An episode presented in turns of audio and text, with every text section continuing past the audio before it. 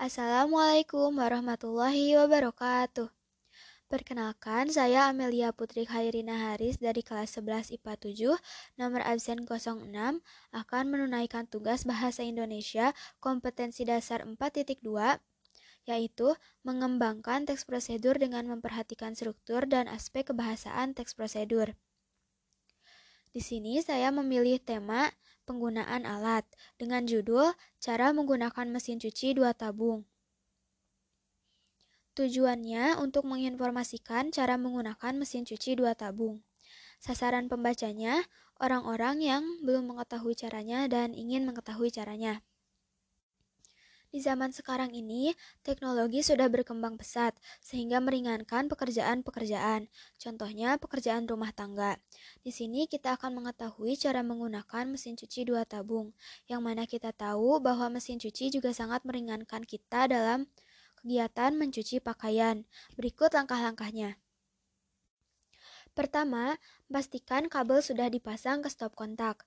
Yang kedua, Masukkan baju-baju yang ingin dicuci. Oh iya, jangan masukkan terlalu banyak baju sampai memenuhi tabung, karena bisa menyebabkan mesin cuci sulit berputar. Yang ketiga, tambahkan deterjen atau pelembut pakaian secukupnya ke dalam tabung. Yang keempat, isi tabung yang berisi baju tersebut dengan air. Mengisinya bisa manual menggunakan gayung atau dialirkan menggunakan selang. Yang kelima, air yang diisikan disesuaikan dengan banyaknya baju. Kira-kira ketinggian airnya beberapa sentimeter di atas baju. Yang keenam, pastikan menu mesin cuci berada di posisi mencuci atau wash. Yang ketujuh, tutuplah tabung dengan penutup tabung.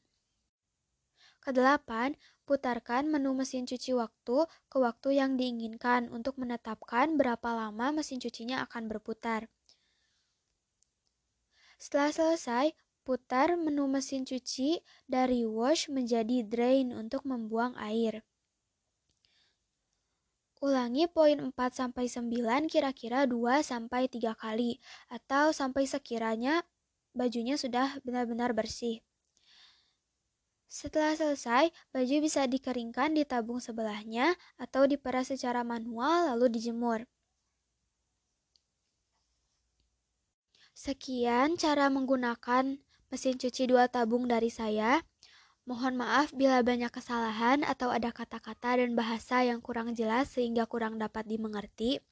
Semoga podcast teks prosedur ini dapat membantu dan bermanfaat.